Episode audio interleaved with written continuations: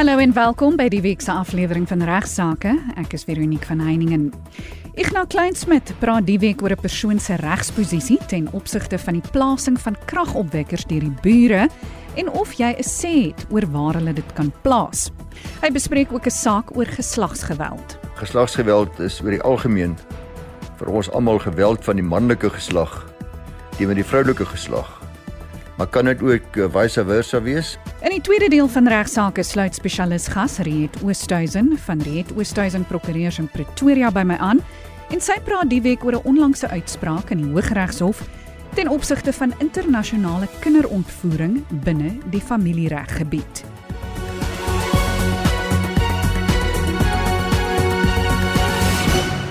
Die week begin ons die program met Ignas wat 'n brief bespreek wat handel oor die bure se kragopwekkers en waar dit geplaas word.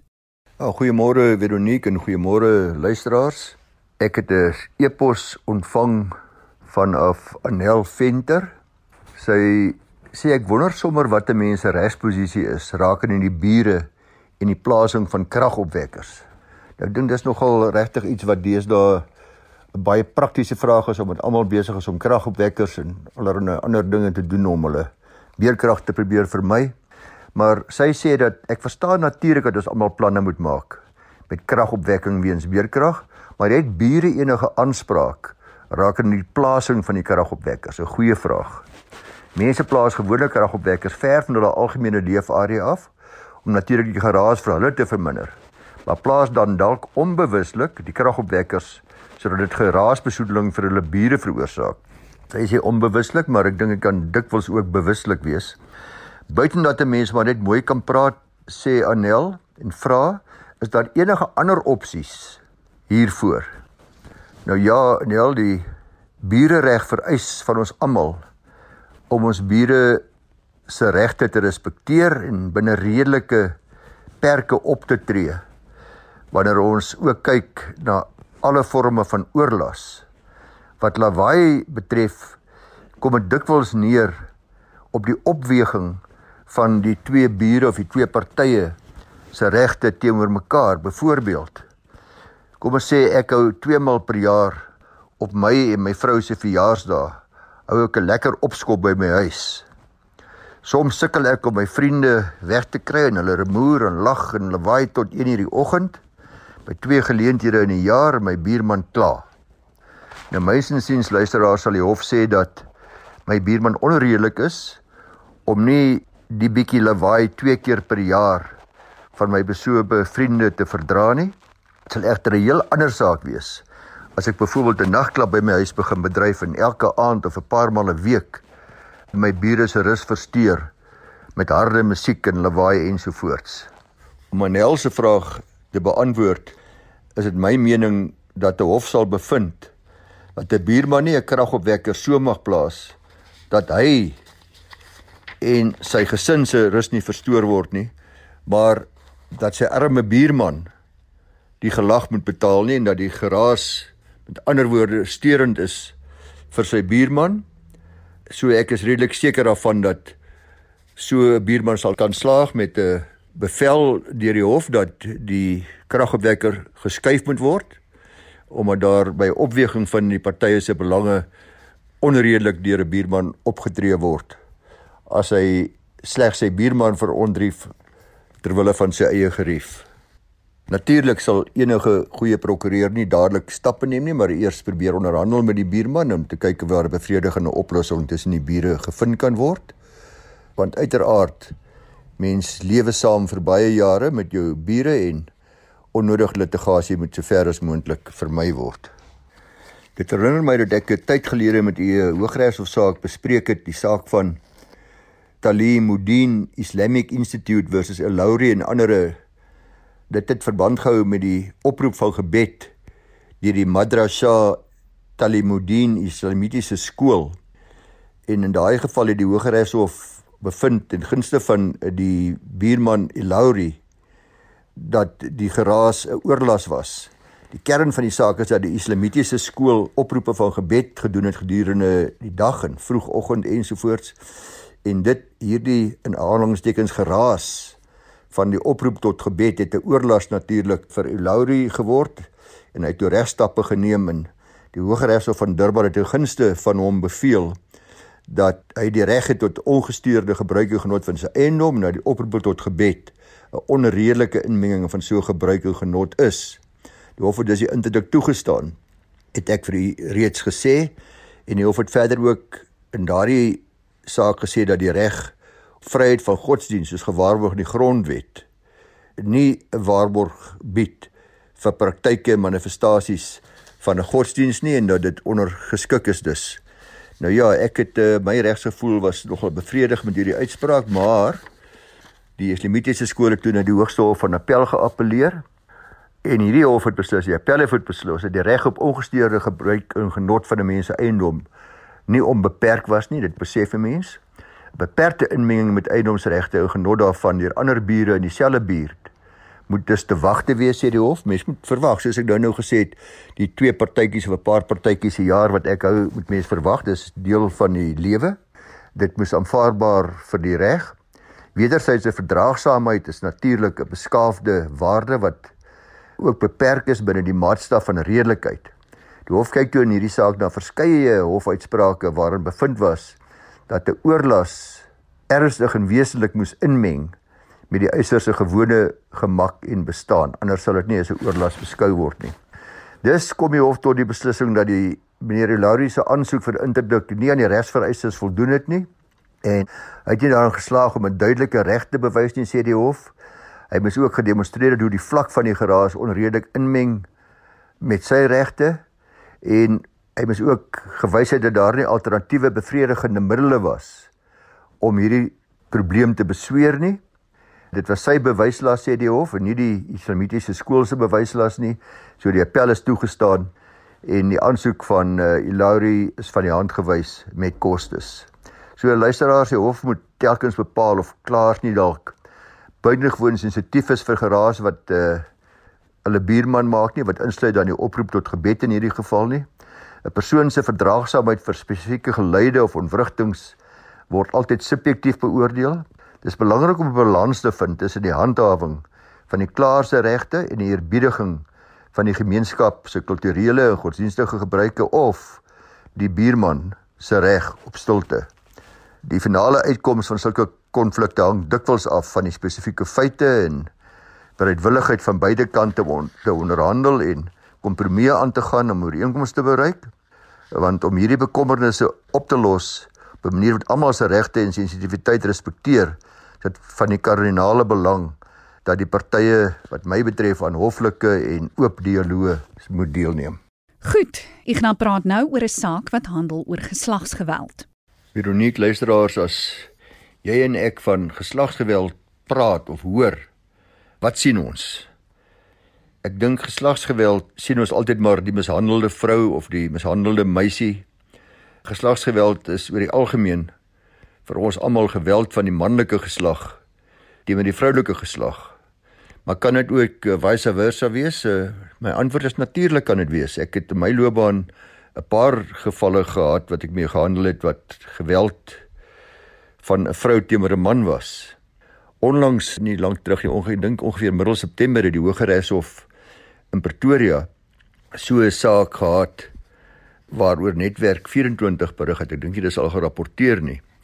Maar die hof sê in daardie geval dat mans is ook slagoffers van geslagsgeweld, maar weens die patriargie en idees oor manlikheid word daar van mans verwag om stil te bly en dikwels bly hulle ook maar stil omdat hulle skaam is.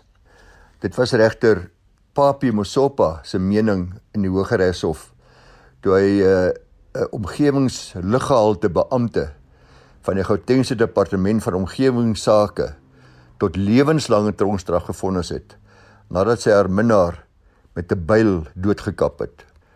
Ramasela Ramusha, sy is 34 jaar oud, het die getroude met Tempeledi Gwanya, hy was 40, hy jong direkteur van die Gautengse direktoraat vir die omgewingsbeskerming en infrastruktuur, soveel keer en met soveel geweld met 'n byl gekap dat hy byna onthou was.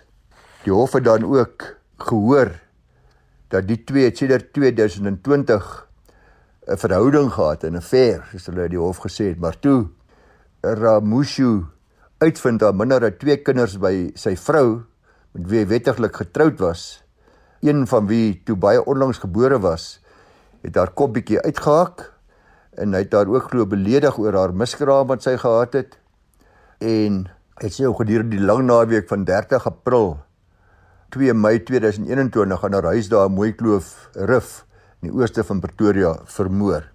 Dit het later gebleik dat sy net 'n skyn swangerskap gehad het en nie werklike miskraam nie. Ramusha het erken sy het hom ook met kookwater gegooi en ook met 'n byl aangeval maar sy het haar ernstige depressiewe gemoedstoestand as ook beweerde geweld van sy kant af as verweer aangevoer en gesê sy het inderdaad as self ter selfverdediging opgetree. Sy het daarna die bloedige toneel skoongemaak nadat sy hom nou vermoor het en die oorledene wat baie groter as sy was. Sy hande is deur haar geboei en sy bene is met 'n gordel vasgemaak en sy het hom toe gang af gesleep. Ngwanya se halfnate lijk is so vasgebind en toegedraai in 'n kombers en sakke later in die motorhuis gevind. Die byl, die boeye, die bebloede kussing en ander artikels is in 'n sak in die gegriefde vrou se besit gevind en regter Masopo het haar verweer van selfverdediging verwerp en daarop al die aanklagte skuldig bevind. Hy het tydens vonnisoplegging gesê hoewel die meeste oortreders van geslagsgronde geweld mans is, is die teenoorgestelde ook dikwels waar.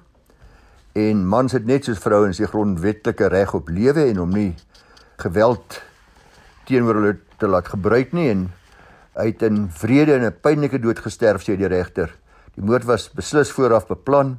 Die beskuldigde het byvoorbeeld 'n byl en boeye gaan koop Sy het kookwater oor die oorledene se private dele gegooi en sy het hom ook buite aksie gestel, maar nie daar opgehou nie. Ek het terloops ook in my uh, praktyk een keer geval gehad waar 'n uh, eh, besope man wakker geword het terwyl sy vrou kookwater oor sy private dele gegooi het. Die regter sê sy het aangehou en die byl gaan haal en hom gekap en gekap nie baie een keer maar verskeie kere. Die patoloog het ook getuig dat die oorledene nog het toe hy vasgeboei is na die aanranding. En patoloog het ook gesê daar moes uitsonderlike geweld gewees het met die byl. Masopo het eh, persoonlike omstandighede is na gekyk. Sy het onder andere 'n BSc graad in geologie as ook 'n honeursgraad in omgewingswetenskappe. Klein van liggaamsbou. Sy was op antidepressante, maar haar psigiater het getuig dat sy in 2020 wel ernstige depressie gehad het maar die diagnose het met ter tyd baie beter geword. Voortsê die psigiater getuig dat onlangs haar diagnose wat haar geestesgesondheid betref, was daar geen regverdiging om op so aggressiewe en gewelddadige wyse op te tree nie. Luidens 'n psigiatriese verslag van die Weskoppies Hospitaal in Augustus 21 het die beskuldigde ook geen intellektuele gestremdheid of geestesongesteldheid gehad. Dat sê net tussen reg en verkeerd kon onderskei nie arme familie van die oorledene is nou natuurlik sonder 'n pa, sonder finansiële hulp. Die regter sê die beskuldigde is 'n hoog gekwalifiseerde dame. Sy moes geweet het dat sy haar emosies moet beheer. Dit is ook baie ontstellend sê hy dat die beskuldigde gelieg het oor haar swangerskap en haar persoonlike omstandighede as ook die agtergrond van hierdie misdaad sê Mosopus van so 'n aard dat hy nie anders kan as om haar lewenslange gevangenisstraf op te lê nie. Sy het nie opregte berou getoon nie. Sy wil ook nog steeds nie verantwoordelikheid aanvaar nie. Sy is 'n patetiese leenaar sê hy wat verstrengel raak in die web van haar eie leuns. Sy is definitief gevaar vir die samelewing en die vonnis sê die hof moet vir die beskuldigde as ook vir ons almal 'n les wees om ander se reg op lewe te respekteer en ons moet leer om dispute op 'n beskaafde wyse op te los. Sy het afgesien van die lewenslange tronkstraf op die moord ook 2 jaar tronkstraf gekry op die aanklag van regsveruideling. Groete vanaf my kant tot volgende maandag om 11:12. Dankie Igna. En in die tweede deel van regsaake sluit Riet Oosthuizen van Riet Oosthuizen Prokureurs in Pretoria by my aan. Riet Oosthuizen spesialiseer in familiereg. Welkom terug by Regsake Riet. Riet, ons het al in die verlede gepraat oor internasionale kinderontvoering binne die familieregspektrum. Wat presies is dit en kan jy die luisteraars se geheue net weer verfris? Goeiemôre Veronique en goeiemôre aan al die luisteraars. Nou, internasionale kinderontvoering is wanneer een ouer die kinders wegneem uit die land waarin hulle normaalweg woonagtig is en die ouer neem hulle na 'n ander land toe en dit word dan gedoen sonder die medewete of toestemming van die ander ouer. Goed, nou watter internasionale konvensie is van toepassing wanneer dit by internasionale kinderontvoering kom? Dit sal die Haagse konvensie wees, Veronique. Hierdie is 'n baie ou konvensie wat eintlik al kom van kort na die Tweede Wêreldoorlog en wat 'n klomp internasionale aangeleenthede reguleer onder andere dan nou die onregmatige verwydering van kinders van een land na 'n ander land. Nou wat baie belangrik is om te onthou is dat die Haagse konvensie slegs van toepassing is wanneer beide die lande ter sprake lede is van die konvensie, met ander woorde ondertekende lede van die konvensie. En wanneer beide lande ondertekende lede is van hierdie konvensie, dan beteken dit dat die kinders moet teruggelewer word aan die land waaruit hulle ontvoer is sodat daardie land dan regtens kan handel met wat moet volgende gebeur. En dit beteken dan ook dat daardie land se hofreëls en regsbeginsels toegepas sal word wanneer daaroor die kinders besluit moet word. So belangrik om te onthou, Haagse konvensie is net van toepassing as beide die lande lidlande is en hierdie konvensie is 'n meganisme wat dan veroorsaak dat die kinders spoedig teruggelewer word dat die land waaruit hulle ontvoer is sodat die hof 'n beslissing kan maak. Wat is die agtergrond van die saak wat hier ter sprake is? Die partye is hier met mekaar getroud in 2005. Hulle kinders is hier gebore en toe het hulle oor die jare heen verhuis na meer as een land onder andere Nederland en Spanje en laaste was hulle toe woonagtig by een van die Karibiese eilande genaamd Sint Maarten. Nou almal van ons sal dink jy het 'n idilliese lewe as jy woon op 'n eiland, maar in hierdie twee mense se lewe was dit beslis nie die geval nie. Hulle het maar doeteenvoudige stormagtige huwelik gehad. En toe gedurende September verlede jaar het die pa 'n egskeidingsaksie ingestel teen die ma dan nou ook waar hulle woon. Onthou op daardie stadium het Suid-Afrika geen rol gespeel nie. Maar kort nadat die pa die egskeidingsaksie ingestel het, het die ma besluit sy vat die kinders, sy kom Suid-Afrika toe, sy skryf hulle in skole hierin en sy doen dit alles sonder die pa se medewete of toestemming. Nou uit die hofuitspraak het ons nou uit die aard van die saak nie al die feite nie, maar dit blyk duidelik dat beide ouers goeie redes gehad het vir hulle optrede. Wat het die hof in die spesifieke saak beslis ten opsigte van die Haagse konvensie? Was dit van toepassing? Die Hooggeregshof van Pretoria het bevind dat die Haagse konvensie nie van toepassing was op hierdie saak nie. En die antwoord is doeteenvoudig, slegs Suid-Afrika was en is 'n ondertekende lidland van die Haagse konvensie. Die Karibiese eiland Sint Maarten is nie 'n ondertekende lidland nie.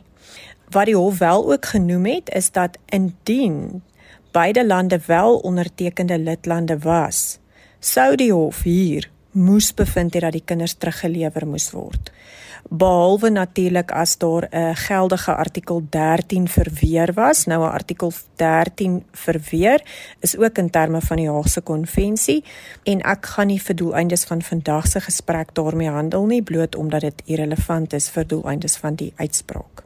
Goed, en wat het ons hof toe hier bevind? Moes die kinders terug Sint Maarten toe sodat die hof die saak daar kon aanhoor of is die saak hier aangehoor en beslis? Alhoewel die Haagse konvensie nie van toepassing was op hierdie saak nie, het die hof steeds die diskresie gehad om te beveel dat die kinders moet teruggaan na Sint Maarten toe en dat die hof daar die saak aanhoor. Maar die hof het daardie diskresie gaan opweeg teenoor ons grondwet. En die Haagse konvensie opgeweeg teenoor ons grondwet het tot gevolg gehad dat die hof beslis het nee, die grondwet geniet die voorrang. En dan het die hof ook nie net na ons grondwet gekyk nie, die hof het ook gekyk na ons kinderwet. Meer spesifiek dan artikel 28.2 van ons grondwet en artikel 9 van die kinderwet. En beide hierdie artikels handel oor die beste belang van kinders. En die hof het hier gesê dat dit nie in die kinders se beste belang sou wees om hulle terug te stuur na St Martin toe nie. Dit sou ook nie in die kinders se beste belang wees dat die hof in St Martin 'n beslissing moet maak nie. Die hof het gevoel dat dit in die kinders se beste belang is om by hulle ma hier in Suid-Afrika te bly. En een van die redes daarvoor was dat die kinders is reeds deur soveel sielkundige trauma en om hulle nou terug te stuur sou hulle net deur nog verdere sielkundige trauma sit. En dit was nie in die kinders se beste belang nie. Riet, was daar deskundiges by die saak betrokke? Daar was in effek 3 deskundiges betrokke by die saak. Die een was 'n forensiese kliniese sielkundige wat reeds vroeër in die saak aangestel is. Dan was daar 'n kurator ad litem wat namens die kinders opgetree het en ook vroeër in die saak reeds aangestel is. En dan was daar ook 'n terapeut betrokke by die saak. Sy het die pa se herenigingskontak met die kinders het sy gemonitor en hanteer. Die hof het dus swaar gesteen op al drie hierdie deskundiges se opinies om tot die bevinding te kom. En was hierdie hofbevel 'n finale bevel? Nee, die hof het hier 'n interim bevel gegee met 'n keerdatum van 7 maande. En dit beteken 7 maande na die bevel, dan het die pa die geleentheid om terug te kom as hy sou wou So as hy nie wil nie, is dit nie 'n probleem nie, maar as hy wil, kan hy terugkom en hy kan die hof probeer oortuig dat die bevel wat gegee is op daardie spesifieke dag nie finaal toegestaan moet word nie.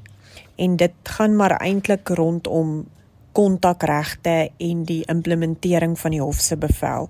Want vir doeleindes van vandag handel ek nie met elke liewe ding in die bevel nie.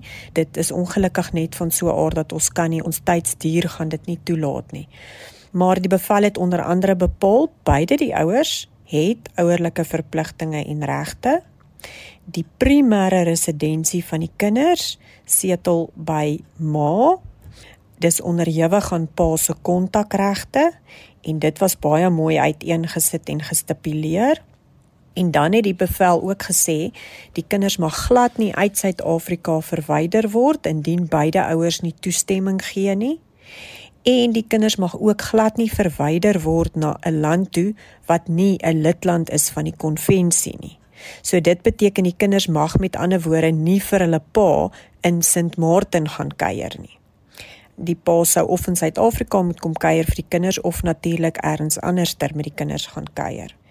En dan het die bevel ook 'n ouerlike koördineerder aangestel wat natuurlik die koördinering nou moes doen tussen die ouers van wat nou op hierdie stadium aan die gang is. As hulle kontakreëlings wil tref of die een wil kla oor die ander, dan is daar 'n ouerlike koördineerder wat aangestel is daarvoor. Dit is natuurlik 'n baie interessante onderwerp wat 'n program op sy eie sal uitmaak. Baie dankie aan Ignas Kleinsmid van van Velden Duffy Prokureurs in Rustenburg en Anriet Oosthuizen van Riet Oosthuizen Prokureurs in Pretoria vir hulle bydraes tot vandag se program. Vir enige navrae oor die program, stuur gerus vir my 'n e e-pos na vero@rsg.co.za. Van my uniek van Heining en groete. Tot volgende week.